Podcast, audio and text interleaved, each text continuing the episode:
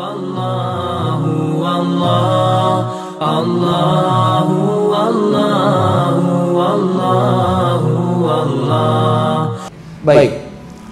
Sekarang kita masuk teman-teman sekalian ke tanda-tanda kiamat besar. Setelah masuk ke tanda-tanda kiamat habis masuk tanda kiamat kecil tadi kita akan pindah ke tanda-tanda kiamat besar dan ini ulama berkisar di masalah menyebutkan antara 10 sampai 11 tanda-tanda kiamat besar. Nanti akan kita rincikan satu persatu dalam bahasan kita ini tentunya. Baik. Sebelum saya baca tanda-tanda kiamat besar karena Syekh Abu Bakar rahimahullah menyebutkan, maka saya akan baca pasal ke-10 beriman kepada hari kemudian. Seorang muslim beriman bahwasanya kehidupan dunia ini mempunyai saat-saat di mana ia akan berakhir dan mempunyai hari terakhir yang tiada hari tidak ada hari sesudahnya. Nggak ada lagi selamat-selamat, udah habis kalau sudah terjadi kiamat besar. Lalu datang kemudian kehidupannya berikut untuk kehidupan akhirat. Pada saat itu Allah yang maha tinggi dan maha pemurah membangkitkan kembali segenap makhluk dan menghimpun mereka semua untuk diadakan perhitungan atau hisab di mana orang-orang yang soleh diberi balasan kenikmatan abadi di dalam surga, sedangkan orang-orang yang durhaka penuh dosa diganjar dengan azab dan siksaan menghinakan dalam api neraka. Ia juga beriman bahwasanya hari akhirat ini didahului oleh tanda-tanda kiamat seperti munculnya Dajjal. Nanti kita rincikan masalah ini. Ya'juj dan Ma'juj. Turunnya Nabi Isa alaihissalam dari langit. Keluarnya binatang melata yang dapat berbicara terbitnya matahari dari tempat terbenamnya sebelum bar, sebelah barat dan tanda-tanda lainnya. Kemudian sangkakala atau trompet raksasa ditiup satu kali untuk kematian dan kebinasaan. Lalu tiupan berikutnya untuk kebangkitan dan hidup kembali serta menghadap kepada Rabbul Izza Allah Subhanahu wa taala. Kemudian penyerahan kitab-kitab amal, catatan amal masing-masing, maka ada yang menerima kitab catatan amalnya dengan tangan kanannya dan ada pula yang mengambilnya dengan tangan kirinya. Setelah itu disediakanlah mizan atau timbangan amal dan perhitungan amal atau hisab pun dilaksanakan.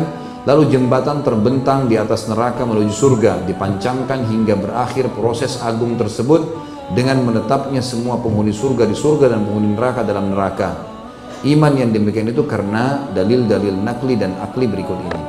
Jadi kurang lebih tiga paragraf ini disimpulkan semua. Dari awal tanda-tanda kiamat kecil, tanda-tanda kiamat besar, terjadinya kiamat, alam barzah, kemudian adanya pembangkitan, ya, pembangkitan di uh, mahsyar, kemudian adanya hisab, proses hisab yang besar, kemudian adanya surga, masuk surga dan neraka, termasuk melewati sirat yang akan kita panjang lebar jelaskan masalah itu, dan seterusnya. Sampai akhir daripada jalur kehidupan kita yang merupakan kekal selamanya di dalamnya. Baik dalil-dalil nakli secara wahyu yang menjelaskan kepada kita masalah kiamat ini akan benar terjadi adalah yang pertama adanya berita dari Allah yang maha tinggi dan maha pemurah tentang hal tersebut. Sebagaimana firmannya dalam surah Ar-Rahman ayat 26 sampai 27 A'udzu billahi minasyaitonir rajim kullu man 'alaiha fan wa yabqa wajhu rabbika dzul jalali wal ikram semua yang ada di bumi pasti akan binasa sekuat apa pun sebesar apa pun sehebat apa pun semuanya akan habis nggak ada ceritanya jadi kalau antum sudah menghadapi sebuah masalah seberat apa pun, maka antum tinggal mengingat masalah akhirat. Ini akan berlalu semuanya. Gak ada yang kekal di dunia. Jadi nggak perlu putus asa, nggak perlu dendam, karena semuanya akan berlalu. Orang beriman tahu masalah itu. Sudahlah, luput dari dia ya sudah. Ada dengan dia, alhamdulillah, dipuji sama dia. Dia jalani saja. Ini yang membuat seluruh kaum salafil ummah dulu dari sahabat dan tabiin tenang menjalani kehidupan. Mereka bisa melaluinya seberat apa pun cobaan datang bisa dilalui karena mereka mengetahui ini semua hanya sebentar dan Allah tidak akan menguji hambanya di atas kapasitas kemampuannya. Kemudian surah Al-Anbiya ayat 34 sampai 35. A'udzubillahi minasyaitonir rajim. Wa ma ja'alna li basharin min qablikal khuld afa in mitta fahumul khalidun. Kullu nafsin dha'iqatul maut wa nabluukum bisyarri wal khairi fitnah wa turja'un. Kami tidak menjadikan hidup abadi bagi seorang manusia pun sebelum kau hai Muhammad. Kalau Nabi SAW juga mati, apalagi kita. Gitu. Maka jikalau kau mati, apakah mereka akan kekal? Itu orang-orang yang memerangimu, orang kafir. Kalau kau sampai mati mereka bunuh, apakah mereka bisa kekal? Mereka juga akan mati. Dan akan ada pertanggungjawaban semua itu. Apa alasannya mereka nolak untuk beriman? Tiap-tiap yang berjiwa akan merasakan mati. Kami akan menguji kamu dengan keburukan dan kebaikan sebagaimana cobaan yang sebenar-benarnya. dan hanya kepada kamilah kamu akan dikembalikan. Allah Subhanahu wa datangkan cobaan kebaikan dan keburukan. Cobaan itu diberikan oleh Allah Subhanahu untuk supaya manusia kembali ke jalan Allah dan sadar dunia ini sebentar nikmat diberikan agar dia merasakan memang akan ada karunia Allah, rahmat Allah juga dan juga di akhirat. Kemudian yang ketiga adalah dalil surah At-Taghabun ayat 7. A'udzu billahi minasyaitonir rajim. Za'ama alladziina kafaru an lan yub'atsu. Qul bala wa rabbi latub'atsunna thumma latunabba'unna bima 'amiltum wa dzalika 'ala Allahi yasir. Orang-orang yang kafir mengatakan bahwa mereka sekali-kali tidak akan dibangkitkan. Katakanlah, tidak demikian demi rohku, benar-benar kamu akan dibangkitkan, kemudian akan diberikan kepadamu apa yang telah kamu kerjakan. Yang demikian itu adalah mudah bagi Allah. Jadi di sini ada pembahasan pasti kalian akan dibangkitkan. Ada proses kematian, ada alam barzah, ada pembangkitan. Surah Al-Mutaffifin ayat 4 sampai ayat 6 berbunyi juga A'udzubillahi minasyaitonirrajim. Ala yadhunnu ulaika annahum mab'utsun liyaumin 'adzim yauma yaqumun nasu lirabbil alamin. Tidakkah orang-orang itu yakin manusia-manusia ini bahwa sungguhnya mereka akan dibangkitkan pada suatu hari yang besar ada pertanggungjawaban dari perbuatan yaitu hari ketika manusia berdiri menghadap Rob semesta alam. Ini semua masih saksi-saksi bahasan kita dulu ya bahwasanya ada terjadi pembangkitan dan hari kemudian itu. Surah Ash-Shura ayat 7 Allah Subhanahu wa taala juga berfirman, A'udzu billahi minasyaitonir rajim wa kadzalika auhayna ilaika Qur'anan Arabiyyan litunzira ummal qura wa man hawlaha wa tunzira yawmal jam'i la raiba fi fariqun fil jannati wa fariqun fis sa'ir. Demikianlah kami wahyukan kepadamu Al-Qur'an dalam da, dalam bahasa Arab supaya kamu memberi peringatan hai Muhammad kepada ummal qura atau penduduk Mekah dan penduduk negeri-negeri sekelilingnya serta memberi peringatan pula tentang hari berkumpul atau kiamat yang tidak ada keraguan padanya. Segolongan pada saat itu pasti masuk surga dan segolongan lagi pasti masuk ke dalam neraka. Dalam surah Zalzalah ayat 1 sampai ayat 8, satu surah lengkap Allah menceritakan tentang kejadian bumi pada saat terjadi kiamat nanti. A'udzu billahi minasyaitonir rajim idza zulzilatil ardu zilzalaha wa akhrajatil ardu athqalaha وقال الإنسان ما لها يومئذ تحدث أخبارها بأن ربك أوحى لها يومئذ يصدر الناس أشتاتا ليروا أعمالهم. ومن يعمل مثقال ذرة خيرا يره ومن يعمل مثقال ذرة شرا يره. Apabila bumi digoncangkan dengan goncangan yang sangat dahsyat, ini kata para ulama, pada saat ditiupnya sangkakala, ya, dan bumi telah mengeluarkan beban-beban berat yang dikandungnya. Kata ulama semua gunung tercabut ya, semua isi-isinya terangkat sehingga bumi seperti kapas. Dan manusia bertanya pada saat itu mengapa bumi jadi begini? Pada hari itulah bumi menceritakan beritanya karena sungguhnya Rob kalian telah memerintahkan yang demikian kepadanya pada hari itu manusia keluar dari kuburnya dalam keadaan yang bermacam-macam Siapa diperlihatkan kepada mereka balasan pekerjaan mereka. Setiap orang di antara mereka akan diperlihatkan balasan pekerjaan mereka. Barang siapa yang mengerjakan kebaikan walaupun seberat zarrah, niscaya dia akan melihat balasannya. Dan barang siapa yang mengerjakan kejahatan walaupun sebesar zarrah, niscaya dia akan melihat balasannya pula atau biji sawi tentunya. Kemudian juga dalam surah Al-An'am 158 Allah Subhanahu wa taala juga menceritakan kepada kita A'udzu billahi minasyaitonir rajim. Hal yanzuruna illa an ta'tiyahumul malaikatu aw ya'tiya rabbuka aw ya'tiya ba'du ayati rabbik. Yauma ya'ti ba'du ayati rabbika la yanfa'u nafsan imanuha lam takun amanat min qablu aw kasabat fi, aw kasabat fi imaniha khaira. Yang mereka nanti-nanti orang-orang yang kufur, orang yang malas serta bermaksiat itu tidak lain hanyalah kedatangan malaikat, maksudnya malaikat maut pada saat mencabut ruh mereka. Atau kedatangan Rob kalian atau kedatangan sebagian tanda-tanda Rob kalian maksudnya tanda-tanda hari kiamat. Pada hari datangnya sebagian tanda-tanda Rob kalian tidaklah bermanfaat bagi iman seseorang bagi dirinya sendiri yang belum beriman sebelum itu atau dia belum mengusahakan kebaikan dalam masa imannya ini semua teman-teman sekalian dalil-dalil yang menjelaskan tentang masalah adanya tanda-tanda kiamat Kemudian setelahnya disebutkan dalil tentang salah satu tanda-tanda hari kiamat besar. Tentang keluarnya hewan melata. Tentu ini ayatnya, dalilnya teracak ya. Nanti akan kita susun insya Allah. Biidnillah. Surah An-Naml ayat 82. A'udzu billahi minasyaitonir rajim wa idza waqa'al qawlu 'alaihim akhrajna lahum dabbatan minal ardi tukallimuhum anna an-nasa kanu bi ayatina la yuqinun. Apabila perkataan telah jatuh atas mereka, kami keluarkan sejenis binatang melata dari bumi yang akan mengatakan kepada mereka bahwa sungguhnya manusia dahulu tidak yakin kepada ayat-ayat kami. Baik, sampai sini teman-teman sekalian. Kita akan coba melihat kalau yang pegang buku tentunya bisa membuka di halaman 64. Itu ditunda dulu. Halaman 60 tadi sampai situ kita tahan dulu. Saya akan masuk ke hadis dulu berita dari Nabi SAW tentang kiamat itu terjadi. Kita langsung masuk ke masalah ya, tanda-tanda kiamat besar yang 10. Ada ulama mengatakan dimasukkan 11. Kata Nabi SAW di dalam hadis itu ada footnote nomor 65 riwayatkan Imam Muslim nomor 2901. Kata Nabi SAW, Inna sa'ata la takunu hatta takuna ashru ayat. Khasfun bil mashriq, wa khasfun bil maghrib, wa khasfun bi jaziratil Arab. Wa dukhanu, wa dajjalu, wa dabbatul ardi, wa ya'juju wa tulu'us syamsi min maghribiha wa narun takhruju min qa'ril adan tarhalun nasu wa tazu Sesungguhnya kiamat tidak akan terjadi sehingga muncullah sepuluh tanda-tanda. Amblasnya bumi di belahan timur amblasnya bumi di belahan barat dan amblasnya bumi di jazirah Arab.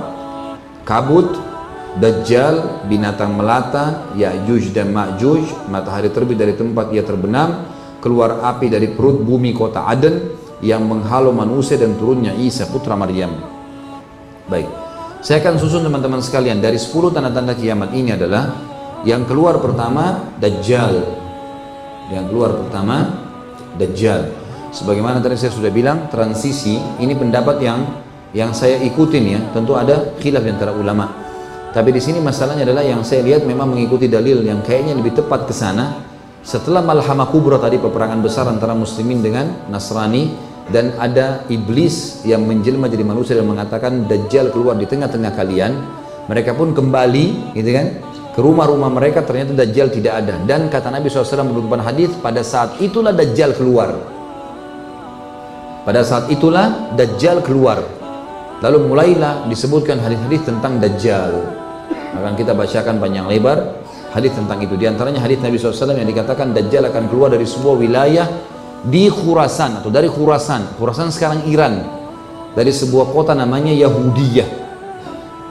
Sebuah wilayah namanya Yahudiyah dan subhanallah sekarang di Iran ada kota namanya Yahudiyah. Dan itu kota baru. Maksudnya di nam, baru nama diberikan.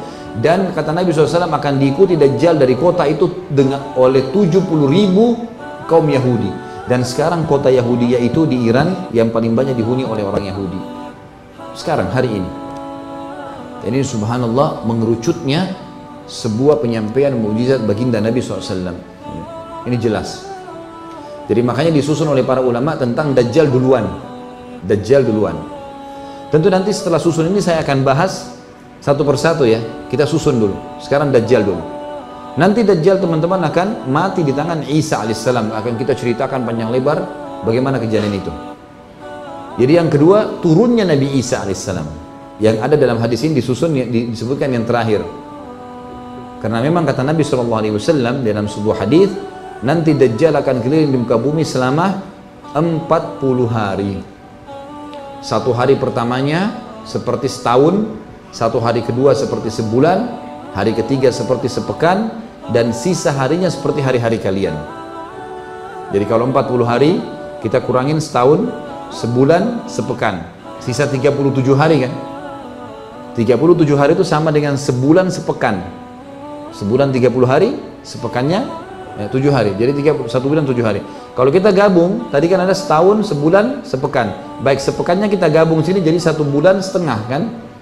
Tambah sebulan berarti dua bulan setengah tambah setahun berarti satu tahun dua bulan dua pekan itu waktu yang dipakai Dajjal keliling di muka bumi dan bukan mustahil pada saat itu mereka menggunakan teknologi mereka menggunakan teknologi Karena tidak mungkin orang keliling dunia kecuali dengan cara seperti sekarang kita tahu ada pesawat cepat. Bukan mustahil itu semua terjadi. Dan kita tahu sekarang di belakang semua alat-alat perang, teknologi canggih, Yahudi di belakangnya sekarang. Mereka yang menemukan, mereka yang menjalankan, mereka yang melakukan. Mungkin dulu beberapa tahun lalu kita masih belum kenal HP, mereka sudah pakai HP. Mereka sudah tahu. Sekarang mungkin mereka punya teknologi apa lebih canggih ini sekarang memasyarakat kepada kita. Jadi biasa. Mereka sudah jauh ke depan, gitu kan. Itu yang terjadi yang dilakukan.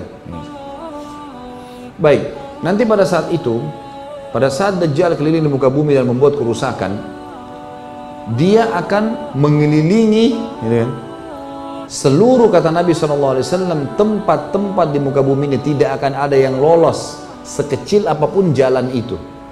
Kalau kita bahasanya sekarang gang-gang, semua akan dilalui sama dia, kecuali Mekah sama Madinah. Riwayat lain mengatakan kecuali Mekah, Madinah dan Aqsa, Masjid Aqsa. Ini nggak bakal dimasuki oleh dia. Karena di setiap kota, di setiap pintu gerbang kota ini ada malaikat yang menghembuskan pedangnya dan menahan Dajjal. Baik, nanti akhirnya Dajjal ini teman-teman sekalian akan saya mulai ceritakan sekarang. Dajjal ini keluar dengan aneh sekali. Karena dia membawa gunung-gunung makanan. Dalam hadis dikatakan gunung-gunung makanan di saat pada saat itu manusia lagi kelaparan. Gunung-gunung makanan bukan dibayangkan seperti sebuah gunung yang besar teman-teman sekalian. Tapi apa? Banyak sekali kekayaan yang dia miliki sehingga dia kalau datang disambut oleh banyak orang-orang yang memang cinta dunia dan akhirnya menerima dari dia makanan, minuman, pakaian, segala kebutuhan. Kemudian dia kalau masuk ke sebuah lokasi, kalau orang-orang di lokasi itu beriman bahwasanya dia sebagai Tuhan karena dia ngaku Tuhan, maka akan subur, turun hujan, peternakan mereka berkembang, luar biasa. Fitnah. Makanya kita dikatakan dalam doa, wa'udzubika wa'udzubika min fitnatin masih dajjal. Dan jauhkan kami dari fitnah masih dajjal karena orang terpengaruh pada saat itu. Sampai Nabi SAW bukan mengatakan siapkan pasukan, lawan dia pada saat itu. Enggak. Nabi SAW mengatakan Selamatkan diri kalian kalau kalian dengar Dajjal, dengar saja. Keluar di satu lokasi, cari tempat lain. Walaupun kalian harus pergi dengan keluarga kalian di atas gunung. Jangan, karena jangan sampai seorang dan kalian mengatakan imannya kuat ternyata jadi pengikutnya. Besar sekali fitnahnya. Kalau dia masuk ke lokasi satu lokasi dan kemudian orang tidak mau beriman padanya, maka yang terjadi adalah tidak turun hujan, kemarau, banyak hewan-hewan ternaknya yang mati. Cobaan. Allah jadikan fitnah. Makanya kata kuncinya di atas gunung dan subhanallah, hikmahnya kata ulama adalah dia dengan hikmah Allah tidak bisa naik di atas gunung. Dajjal tidak bisa naik di atas gunung. Makanya disuruh selamatkan diri ke gunung. Entah kenapa Allah alam. Sama nanti dengan kasus Ya'juj Ma'juj yang akan kita bahas. Mereka ditaruh di, di dihadang dengan sebuah tembok besi kan. Tapi pada saat itu, pada saat sekarang ini mereka ada dan mereka tidak berpikir memanjati tembok itu. Yang mereka pikir adalah membolongi tembok itu, tembok besi yang dibuat oleh Zulkarnain. Tapi mereka tidak terfikir manjat. Kata para ulama, Allah menghilangkan pikiran dia mereka untuk manjat di tembok itu. Padahal kalau mereka manjat, mereka bisa lalui. Tapi mereka tidak berpikir pada saat itu. Ya mereka sampai mereka keluar, mereka cuma tahu coba berusaha membolongin tembok besi itu. Nanti akan kita sampaikan sebentar. Baik. Dajjal ini teman-teman sekalian, dia nanti akan keliling seluruh dunia sampai tiba di Madinah. Mekah tidak disebutkan tentunya riwayat, tapi di Madinah yang ditekankan. Maka pada saat dia tiba di Madinah, dia pun menemukan di pintu-pintu gerbangnya malaikat yang menuskan pedangnya dan menghalaunya. Maka dia bilang sama pengikutnya, saya tidak bisa masuk di kota ini. Lalu dia mengajak pengikutnya naik ke atas sebuah gunung di luar wilayah haram.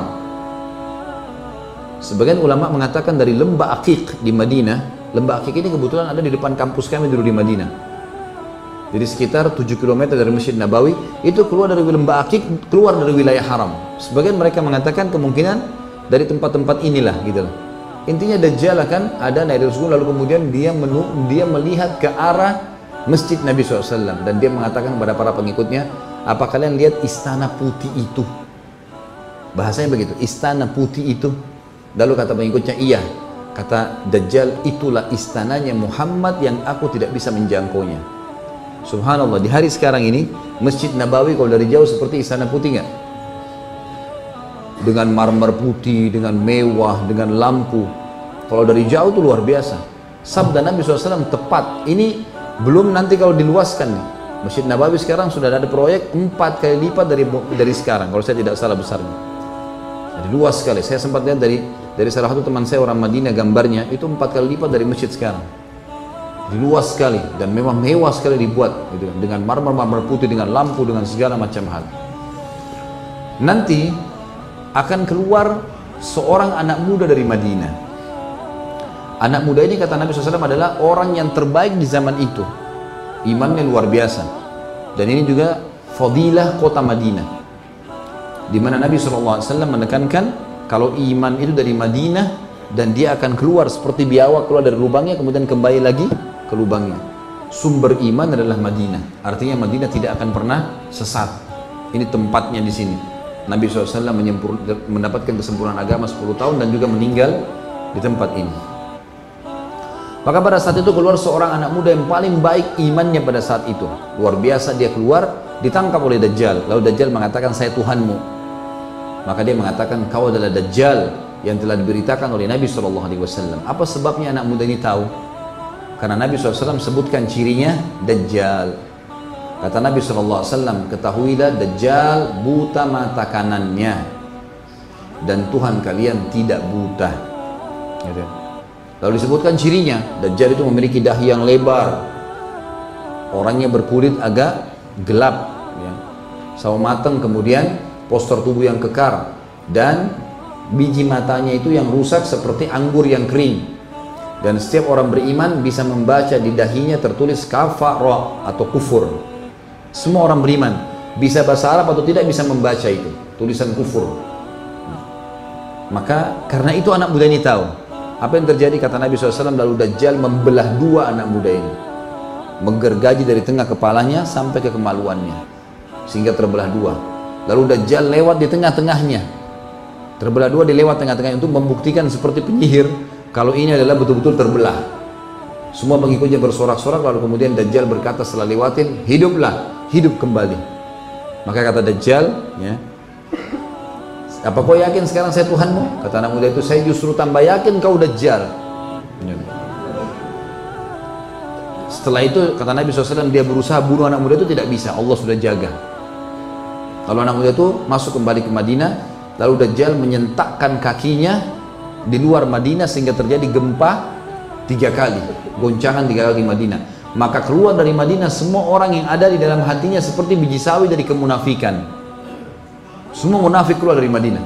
Bersih Madinah dari orang-orang munafik. Menjadi pengikut Dajjal. Lalu Dajjal pergi meninggalkan Madinah.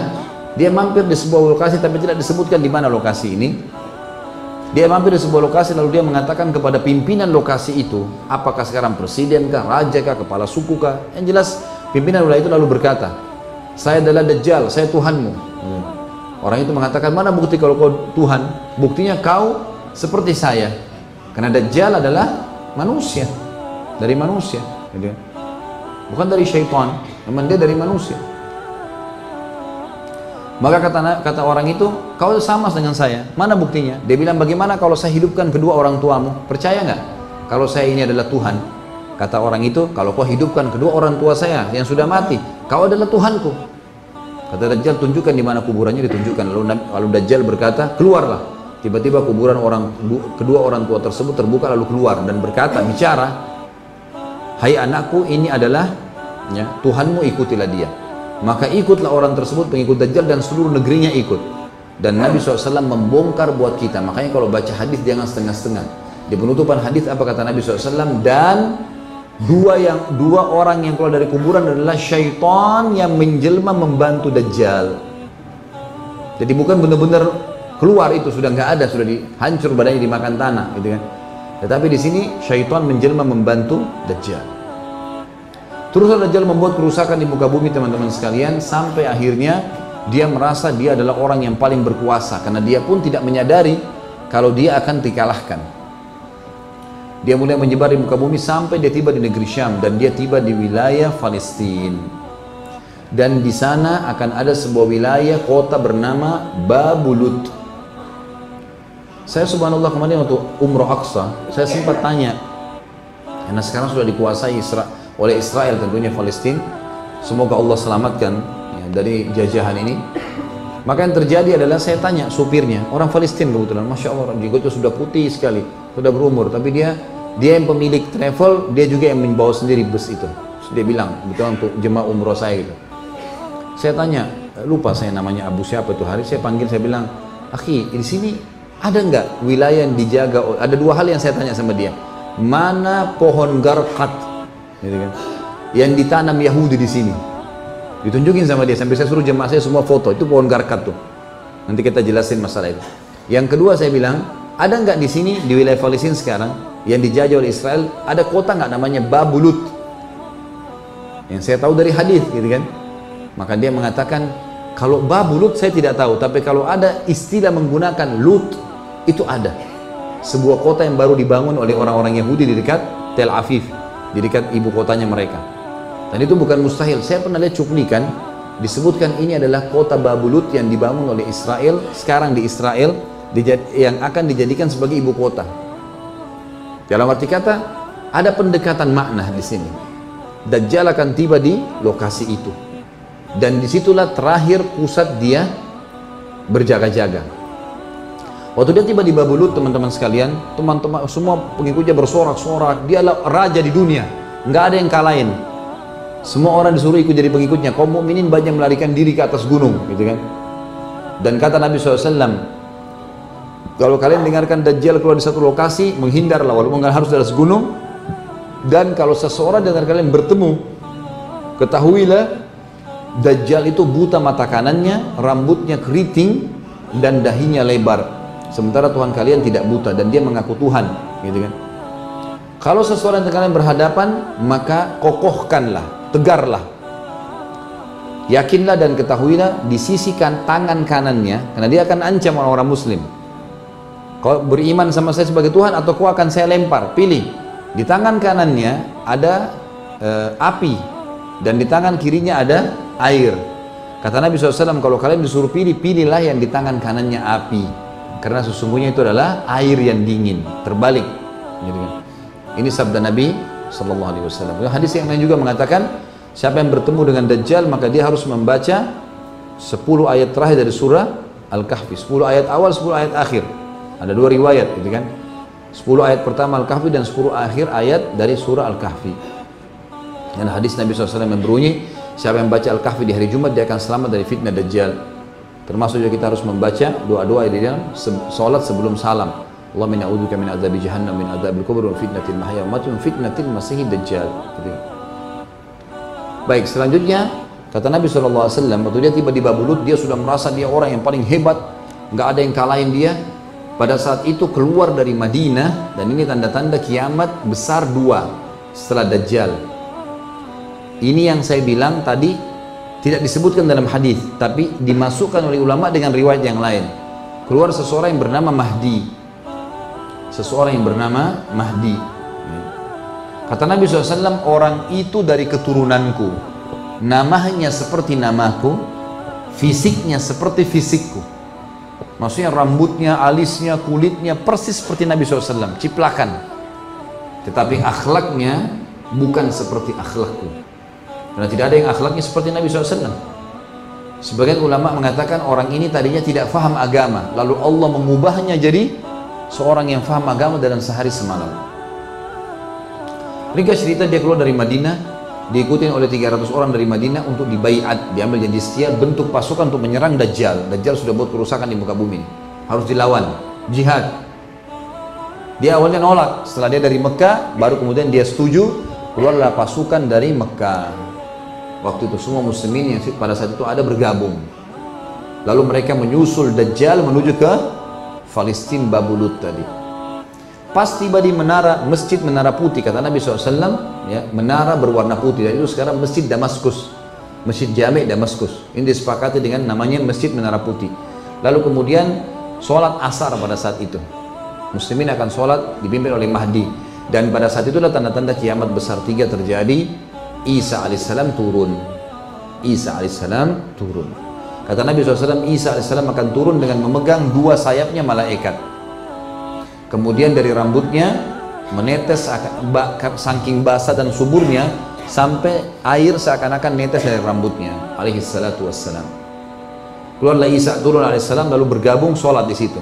Lalu sempat Mahdi mempersilahkan Isa alaihissalam menjadi imam lalu kemudian Isa mengatakan imam dari kalian dan kata Nabi SAW dialah termasuk salah satu salah, salah satu dari sekian banyak orang yang Nabi sholat di belakangnya itu di zaman Nabi SAW pernah Nabi sholat di belakangnya beberapa sahabat di antaranya Abu Bakar ya. di antaranya Abu Rahman ibn Auf dalam beberapa keadaan tentunya ya. ringkas cerita sholatlah habis sholat maka Mahdi pun memberikan kepimpinan kepada Isa alaihissalam lalu mereka pun menuju ke Babulut tadi Pas tiba di depan Babulut dengan pasukan muslimin yang banyak, pengikut Dajjal mengatakan, wahai Dajjal ada pasukan muslimin. Dajjal dengan sombong mengatakan, bukain gerbang, saya yang lawan sendirian. Dia lupa ini, dia tidak tahu kalau di sana ada Isa alaihissalam. Begitu dibuka pintu gerbang, Dajjal begitu lihat Isa alaihissalam di depan kaget dia. Dia berusaha lari, sambil lari sambil kulitnya meleleh. Meleleh. Kata Nabi SAW meleleh kulitnya dan Isa alaihissalam mengejarnya sampai menjatuhkannya di tanah dan menombak di antara dua matanya. Akhirnya terbunuhlah Dajjal. Dan pada saat itu seluruh pengikut-pengikut Dajjal menyebar di wilayah Babulut tadi. Dan semuanya kata Nabi SAW, makhluk Allah berbicara. Dari pohon, dari batu, semua bicara. Di mana pun tentara Yahudi sembunyi, maka dia akan bicara, hai muslim ini Yahudi bunuhlah dia kecuali pohon garqat dan sekarang pemerintah Israel menggalang penanaman pohon garqat di pinggir-pinggir jalan. Bodoh nggak kira-kira? Udah tahu itu akan akan terbunuh. Kisah ini ditahu oleh mereka. Tapi sengaja mereka jalani subhanallah. Mau milih itu mau jadi ahli neraka. Wa na'udzubillah. Makanya saya bilang waktu bus lagi lewat saya bilang sama supirnya kemarin tolong ya akhi lewatin kalau ada pohon garkat dilihatin sama dia. Pohon yang biasa tapi rupanya pohon ini kalau tidak salah itu saya lihat tingginya sekitar satu setengah meter nggak lebih dari itu. Dan dia merambak melebar gitu. Melebar gitu. Kan. dia pohon yang cukup banyak duri-durinya dan saya tidak lihat ada buah tentunya. Waktu itu sempat difoto tapi kita tidak turun di jalan cuma foto dari jalan saja. Ringkas cerita antum juga tidak tahu pohon ini nggak masalah gitu kan. Nah, karena Yahudi yang penting buat foto sampai dikatakan pohon ini pohon Yahudi. Ya, pohon Yahudi. Kata Nabi SAW semua akan bicara hai muslim ini Yahudi bunuhlah dia kecuali pohon garkat karena dia adalah pohonnya Yahudi. Gitu. maka pada saat itu pun kata Nabi SAW seluruh ya, wilayah di muka bumi pada saat itu akan masuk Islam baik dengan kemuliaan atau terhina. Isa alaihissalam akan memasukkan mereka ke dalam Islam. Kalau tidak dibunuh, nggak ada lagi yang lain. Maka Isa dalam hadis lain dikatakan akan membunuh semua babi, akan menghancurkan semua salib. Pengikut-pengikutnya yang mengaku Nasrani semuanya mengikuti Isa dan sekarang banyak sekte dalam Nasrani mengakui Isa AS akan turun. Yang tidak mengakui Isa itu mati di salib, maka mereka mengakui seperti mana muslimin mengatakan akan turun. Makanya sering kita dengar di beberapa wilayah Eropa, oh di malam-malam tertentu, terutama malam Natal atau yang sebagainya itu akan ada cahaya yang turun, Isa turun di rumahnya si fulan dan seterusnya. Tapi ini semua tidak benar. Kita punya data otentik kalau Isa alaihissalam turun nanti. Kata Nabi SAW, bagaimana bisa sesat umat ini di awalnya, sementara aku ada, dan di akhirnya sementara Isa ada. Artinya awal dan akhir dipimpin sesuai dengan Al-Quran dan Sunnah. Isa alaihissalam akan berhukum dengan hukum Nabi Sallallahu Alaihi Wasallam. Ini sudah kita bahas hadisnya. Kata Nabi SAW, kalau Musa atau Isa hidup di zamanku sekarang, niscaya tidak ada pilihan kecuali dia jadi pengikutku. Jangankan pengikutnya, nabinya sendiri kalau ada sekarang dia akan jadi pengikut Nabi Sallallahu Alaihi Wasallam. Baik, sempat waktu di Palestina antara Masjid Aqsa, rupanya Syekh ada di atas tinggi tebing begitu, tebing gunung yang enak sekali dingin, masya Allah sejuk. Itu kalau kalau dari atas kita lihat ke bawah, atau mungkin kita jalan keluar melalui jalan-jalan itu kita akan menelusuri lereng-lereng jadi kayak kayak tebing-tebing gunung gitu Nah di lembah itu, di Aqsa di atas, di lembah ada lembah bawah itu menurut orang-orang Yahudi, saya ditunjukin sama supirnya bus itu hari, dia bilang ini Khalid, lembah ini dianggap lembah suci oleh orang-orang Yahudi. Kenapa saya bilang? Memang situ banyak pemakaman, kuburan. Karena mereka yakin di sinilah lembah nanti yang mereka dibantai oleh kaum muslimin. Lembah itu. Jadi mereka sekarang menganggap ini lembah suci. Siapa yang mati bisa dikubur situ luar biasa. Mereka kalau perlu bayar mahal, yang penting kubur di situ. Jadi dibakar sama-sama di neraka. La haula wala quwata illa billah. Ada yang mau mirip seperti ini sama Yahudi? Hah? Boleh, silakan ke sana saja. Jadi akhirnya teman-teman sekalian selesailah urusan Dajjal. Dan pada saat itu tidak ada lagi satu rumah pun kata Nabi SAW di muka bumi ini kecuali masuk Islam. Dengan kemuliaan atau dengan terhina. Artinya dibunuh kalau tidak mau. Nggak ada lagi. Maka Isa alaihissalam akan menyebarkan keadilan. Ada riwayat mengatakan tujuh tahun. Ya. ada beberapa asar juga ternukil mengatakan sampai 40 tahun Isa alaihissalam akan buat memimpin di muka bumi. Tapi kemungkinan 40 tahun ini masuk dalamnya nanti menghadapi Ya'juj Ma'juj. Tapi setelah Dajjal meninggal tujuh tahun dulu keadilan.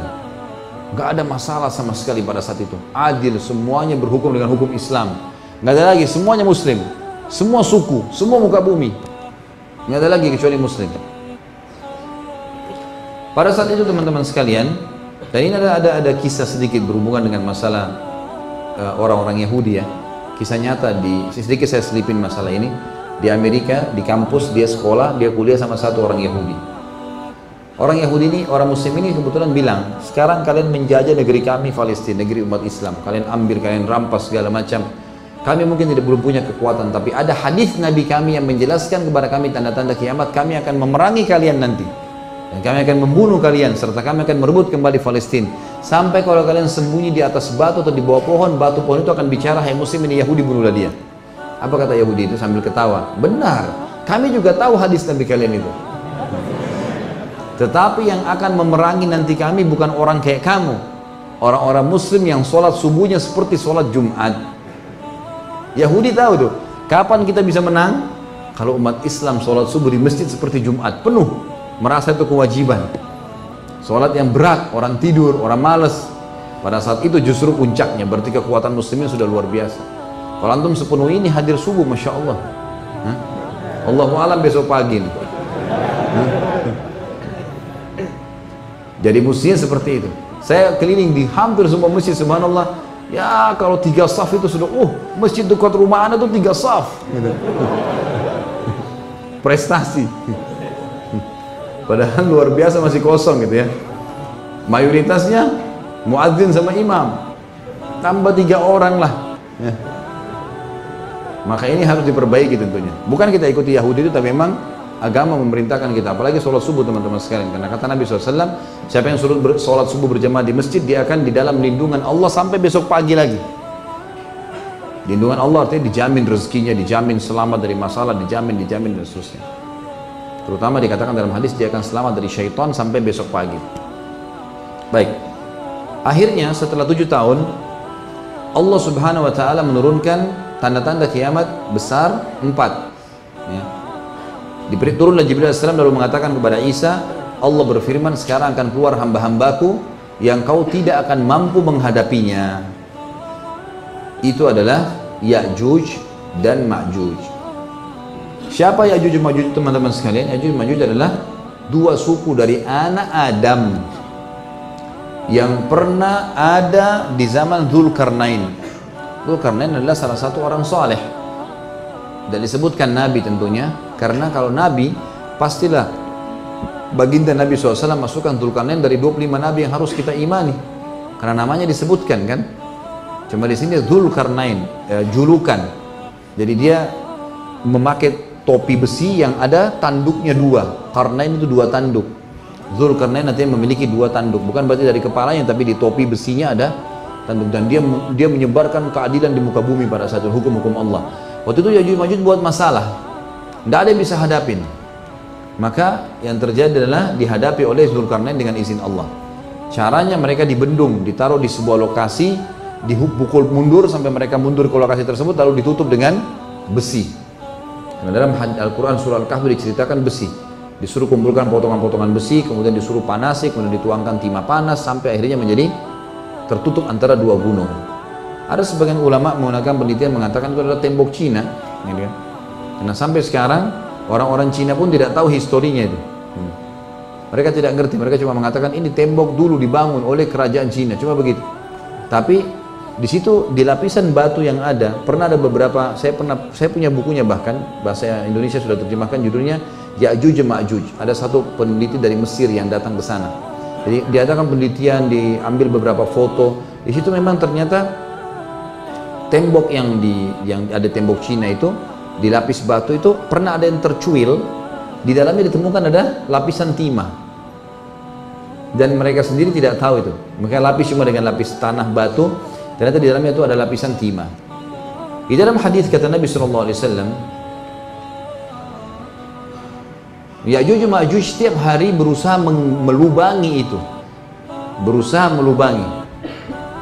Dan sampai malam hari pada saat mereka sudah capek, pimpinan mereka berkata, ini berarti menandakan mereka punya pimpinan, mereka punya teknologi karena mereka berusaha melubangi. Pada saat mereka melubangi besi itu dan sudah terbuka sebagiannya, maka pimpinannya mengatakan pulanglah, besok kita lanjutin.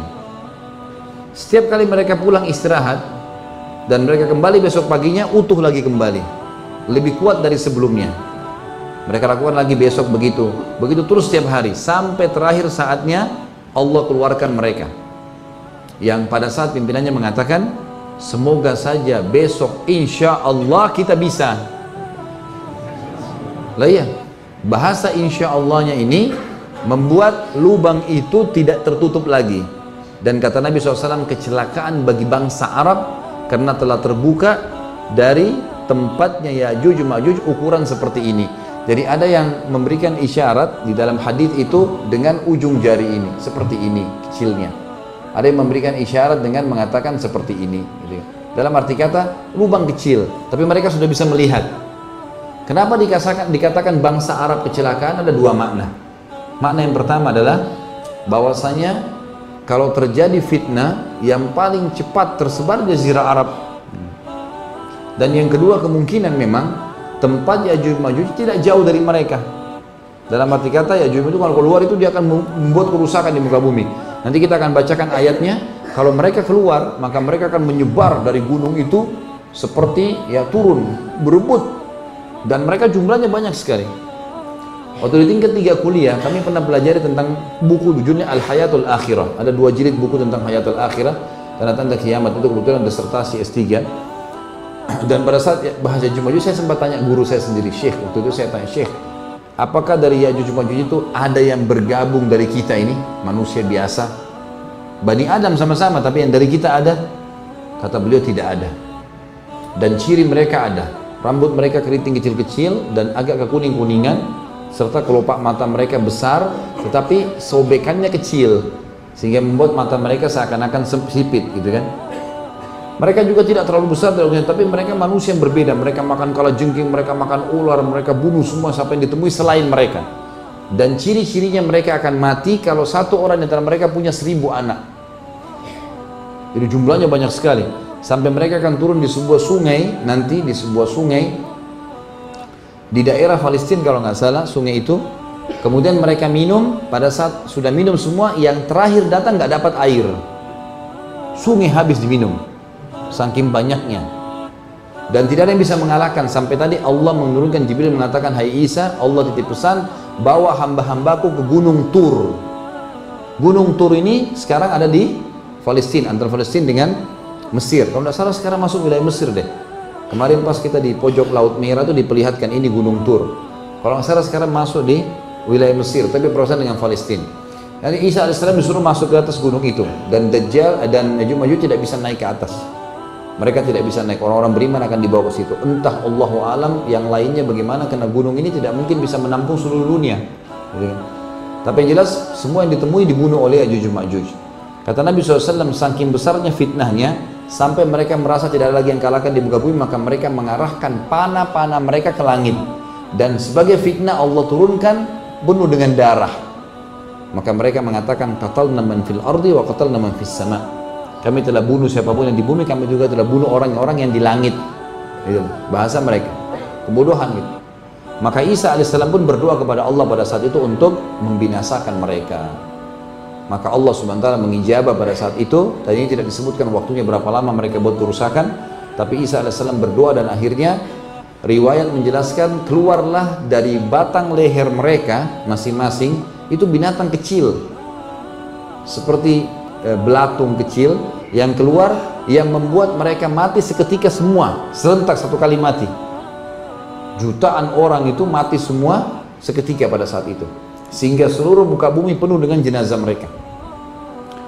Isa alaihissalam setelah berdoa dan datang jawaban bahwasanya sudah diterima oleh Allah dia mengutus empat orang turun dari gunung Turusina dengan kudanya kata Nabi SAW empat orang itu adalah orang terbaik dari kalian pada saat itu imannya, kekuatan imannya, kekuatan fisiknya, ilmunya empat orang ini. Dan kalau kalian mau kata Nabi SAW, saya ceritakan kepada kalian warna-warna kuda mereka.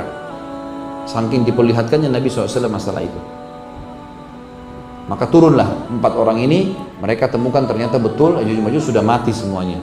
Mereka kembali mengatakan, Hai Nabiullah sudah selesai urusannya, tapi jenazah mereka penuh sampai dikatakan tidak ada celah tempat di muka bumi kecuali penuh jenazahnya mereka. Banyaknya saking banyaknya. Manusia yang sangat jorok kotor kasar. Ya. maka kata Nabi SAW Isa pun berdoa lagi kepada Allah agar dibersihkan bumi. Maka Allah pun mengutus dari arah timur burung-burung yang leher burung itu seperti unta.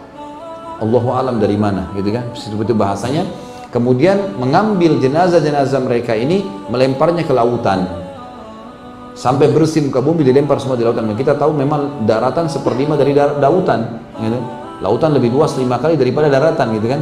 Dilemparlah semua di lautan. Kemudian Allah turunkan hujan yang membersihkan muka bumi dari bau mereka dan kotoran mereka. Setelah itu habis Yajud Majud dan Isa alaihissalam pun beberapa waktu setelahnya meninggal dunia.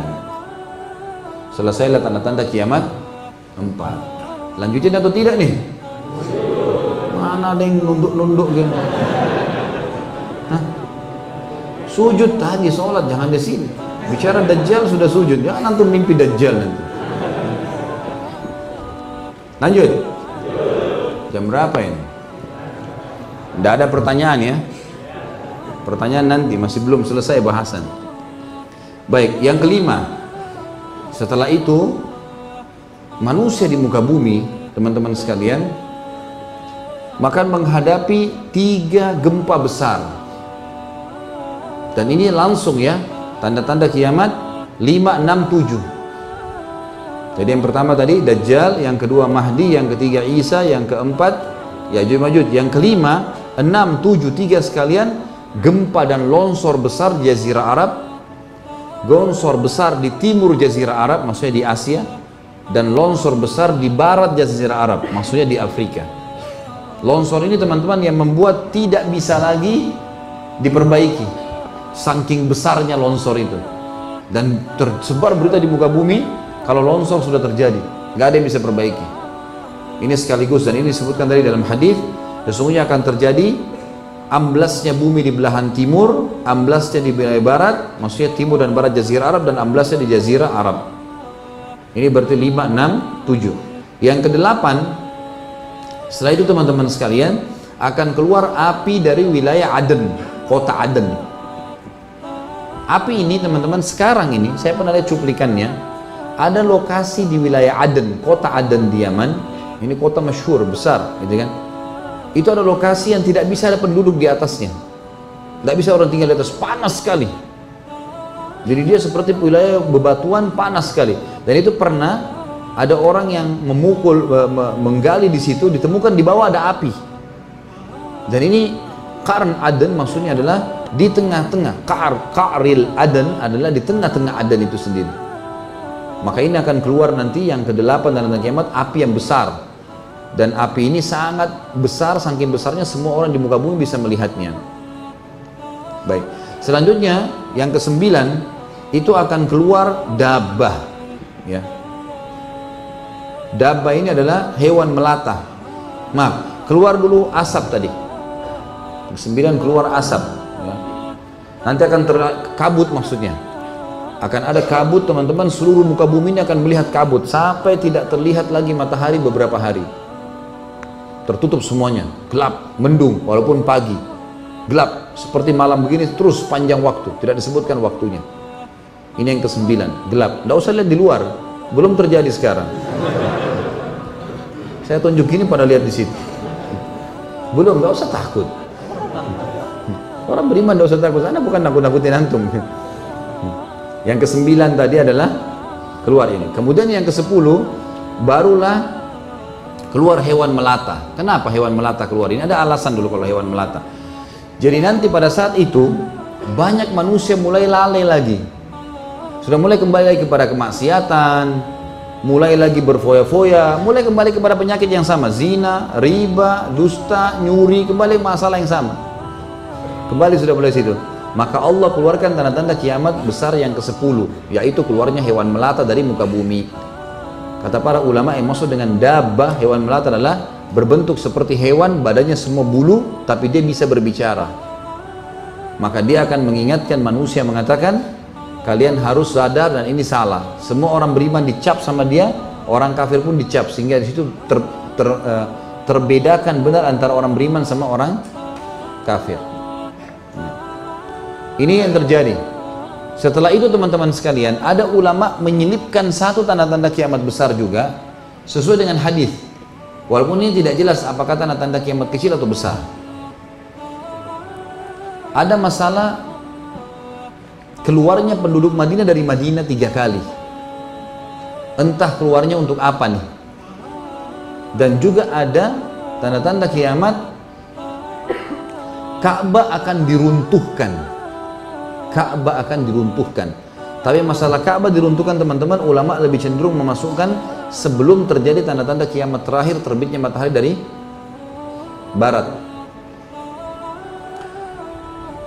Kata Nabi SAW akan datang Zuswa katain Sak teman-teman artinya betis Zuswaka artinya dua Dia memiliki dua betis yang kecil sekali orang ini Kata Nabi SAW, dia akan datang dari arah Habasyah, Ethiopia.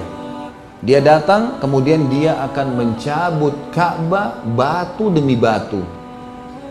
Dia akan mencabut Ka'bah batu demi batu sampai tidak tertinggal satupun batunya. Karena orang ini mau mencari harta. Dan pada saat itu memang Ka'bah sudah ditinggalkan oleh manusia. Sudah banyak orang-orang yang kufur nggak peduli lagi sudah dengan Ka'bah, nggak peduli lagi dengan ibadah. Padahal semua sudah Muslim kan? Kan tadi kita sudah bilang semuanya sudah Muslim nih. Tapi mereka jadi maksiat, mereka foya-foya, tinggalin sudah Ka'bah, dilupain Ka'bah ini. Saking sunyinya sampai orang ini bisa datang bongkar Ka'bah.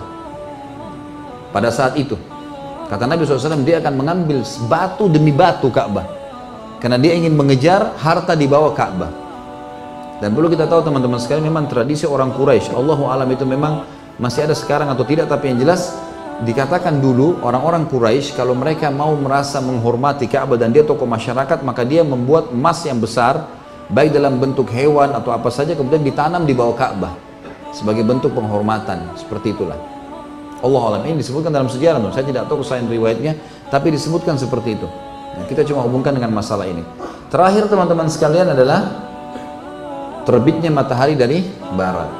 Dan pada saat ini yang kata Nabi SAW, taubat masih diterima oleh Allah selama matahari belum terbit dari barat. Berarti tanda-tanda kiamat yang lain tadi semuanya masih aman kalau orang mau taubat. Tapi kalau yang satu ini sudah nggak bisa. Pintu taubat terbuka teman-teman sekalian selama matahari belum terbit dari barat. Ini tanda-tanda kiamat yang disebutkan tadi di dalam hadis. Setelah itu tentunya ada riwayat juga yang menjelaskan pada saat itu ya, pada saat itu Allah Subhanahu wa taala akan mengirim udara angin yang akan merenggut semua jiwa orang beriman. Semua orang beriman akan direnggut oleh angin ini. Kata Nabi SAW, angin itu akan terhembus di seluruh muka bumi ini dan semua orang yang dalam hatinya ada keimanan direnggut oleh angin tersebut. Maksudnya mati dia. Sampai kalau kalian sembunyi di dalam gunung, maka angin itu akan masuk dan merenggut nyawanya. Sehingga tidak tertinggal lagi di muka bumi kecuali orang yang rusak, yang sudah kufur, kembali kufur kepada Allah. Pada saat itu, waktu orang beriman sudah mati semua, maka iblis datang dan menjelma jadi manusia mengatakan, maukah kalian mendengarkan aku? Kata mereka, apa yang kamu suruh kami? Kata Nabi SAW, waktu itu mereka lagi puncak-puncaknya memiliki nikmat. Kekaya raya, banyak macam-macam. Jadi kan, kata iblis, sembahlah berhala. Dibuatkan patung oleh iblis, disuruh sembah. Lalu kembalilah mereka menyembah berhala. Dan pada orang-orang inilah berdiri kiamat. Terjadi kiamat. Makanya orang beriman tidak akan menyaksikan. Gunung meletus, ya tabrakan semuanya hancur. Segala macam air lautan berubah jadi api. Nanti kan kita bacakan ayat-ayatnya tentunya. Itu semua akan terjadi teman-teman sekalian. Tapi hanya pada orang-orang yang rusak ini. Ini adalah orang-orang yang rusak inilah teman-teman yang sekalian tadi yang saya bilang dibacakan ayat kita lihat surah An-Naml kembali ke halaman 60 tadi A'udzu billahi minasyaitonir wa idza waqa'al qawlu 'alaihim akhrajna lahum dabbatan minal ardi tukallimuhum anna kanu bi ayatina la yuqinun. Dan apabila perkataan telah jatuh atas mereka, Isa alaihissalam sudah mati, mereka tidak lagi ingatkan, maka Allah subhanahu wa ta'ala keluarkan sejenis binatang melata dari bumi yang akan mengatakan kepada mereka bahwa sungguhnya manusia dahulu tidak yakin kepada ayat-ayat kami. Maksudnya, dia akan mengingatkan manusia yang beriman lalu dicap, dalam hadis dikatakan dan orang kafir dicap juga. Tentang Ya'juj Ma'juj surah Al-Anbiya ayat 96 sampai 97. A'udzu billahi minasyaitonir rajim. Hatta idza futihat Ya'juj Ma'jujuhum min kulli hadabin yansilun waqtarabat waqtarabal wa'dul haqqu fa idza hiya syakhisatun absarul ladina kafaru. Ya wailana qad kunna fi ghaflatin min hadza bal kunna zalimin. Hingga apabila dibukakan tembok Ya'juj dan Ma'juj dan mereka turun dengan cepat dari seluruh tempat yang tinggi nah saya tadi gunung itu dan telah dekatlah kedatangan janji yang benar atau hari berbangkit maka tiba-tiba terbelalaklah mata orang-orang kafir mereka berkata aduhai celakalah kami sungguhnya kami dalam keadaan lalai tentang ini bahkan kami adalah orang-orang yang zalim maksudnya kata ulama tafsir orang-orang kafir nanti akan paling banyak jadi korbannya Ya'juj Ma'juj karena dia tidak pusing kafir atau beriman. Pokoknya selain jenis mereka dibunuh semuanya. Dan orang beriman selamat karena mereka tahu hadisnya. Mereka disuruh lari ke atas gunung, gitu kan. Dan subhanallah selalu gunung ini aman dari Dajjal dan Ya'juj Ma'juj sebagaimana sudah kita jelaskan tadi. Ini tadi penjelasan tentang masalah Ya'juj dan Ma'juj dan juga tanda-tanda kiamat yang lainnya tentunya. Baik ini teman-teman sekalian yang kita bahas tentunya dan kita akan masuk insya Allah dengan izin Allah di pertemuan akan datang tentang masalah eh, bagaimana terjadinya kiamat itu sendiri. Saya akan baca terakhir di sini tentang Dajjal ya. Bisa dilihat di halaman 64. Hadis Nabi SAW yang cukup panjang 64 sampai 65 ya. Itu hadis riwayat Muslim nomor 2940. kata Nabi wasallam yakhrujud dajjalu fi ummati fayamkuthu arba'in fayub'athu fayab'athu Allah Isa ibn Maryam ka'annahu urwatu ibn Mas'udin fayatlubuhu fayuhlikah fayuhlik fayuhlikuhu thumma yamkuthu an-nasu sab'a sinina laysa baina ithnaini adawah thumma yursilu Allah rihan baridatan min qibal asy-syam fala yabqa ala wajhi al-ardi min qab man man man fi man fi qalbihi mithqalu dzarratin min khairin aw imanin illa qabadathu حتى لو أن أحدكم دخل في كبد جبل لدخلته عليه حتى تقبده فيبقى شرار الناس في خفة الطير وأحلام السباع. لا يعرفون معروفا ولا ينكرون منكرا فيتمثل لهم الشيطان فيقول ألا تستجيبون؟ فيقولون فماذا تأمرنا؟ فيأمرهم بعبادة الأوثان وهم في ذلك دار رزقهم. حسن, حسن عيشهم ثم ينفخ في الصور فلا يسمع أحد إلا أط إلا أصغى ليتا ورفع ليتا. وأول من يسمعه رجل يلوط حوض إبله إبله. قال فيسعق ويسعق الناس ثم ينزل الله ثم ينزل الله مطرا كأنه الطل فتنبت منه أجساد, أجساد الناس thumma yunfakhu fihi ukhra fa idza hum qiyamun yanzurun. Thumma yuqal ya ayuhan nas halumma ila rabbikum waqifuhum innahum mas'ulun. Thumma yuqalu akhriju ba'than nar. Fayuqal ma min kam fayaqul al fayuqal min kulli alfin tis'miyatin wa tis'atun wa tis'in. Fadhalika yawmu yaj'alul wildanu shiba wa dhalika yawmu yukshafu an saq Dajjal akan keluar di tengah-tengah umatku dan ia tinggal selama 40 ini tadi saya bilang ada 40 tahun ya, ada hadis yang menjelaskan hari pertama seperti setahun, hari kedua seperti sebulan, hari ketiga seperti sepekan dan sisa harinya seperti hari-hari kalian. Dan para sahabat mengatakan ya Rasulullah, apakah pada hari-hari yang tiga itu, setahun, sebulan, sehari, kita sholat ya sehari saja, sekali saja? Kata Nabi SAW tidak, tentukan sesuai dengan waktu pada saat itu. Ini menandakan memang dimaksud adalah setahun, sebulan, dan sepekan. Maka Isa mencari Dajjal dan kemudian membunuhnya. Setelah itu manusia tinggal selama tujuh tahun tanpa ada permusuhan di antara mereka. Tadi saya bilang Isa akan melakukan keadilan, menyebarkan. Kemudian Allah meniupkan angin. Ini yang dimaksud angin tadi yang terakhir saya bilang. Pada saat akan terjadi kiamat besar, Allah meniupkan angin dingin dari arah negeri Syam. Maka tidak ada seorang pun di muka bumi ini yang di dalam hatinya masih ada kebaikan atau iman. Melainkan pasti angin itu akan merenggut nyawanya hingga sekiranya ada seorang kamu yang bersembunyi di rongga gunung sekalipun niscaya angin itu pun angin itu masuk dan merenggut nyawanya.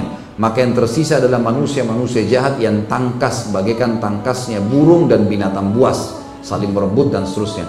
Mereka tidak mengenal kebaikan dan tidak mengingkari kemungkaran. Lalu syaitan maksudnya iblis datang kepada mereka berbentuk manusia seraya berkata apakah kalian mau memenuhi ajar ajaranku mereka menjawab, apa yang kamu perintahkan kepada kami? Lalu syaitan itu menyuruh mereka menyembah berhala. Padahal harta kekayaan mereka melimpah ruah pada saat itu, kehidupan mereka sangat sejahtera.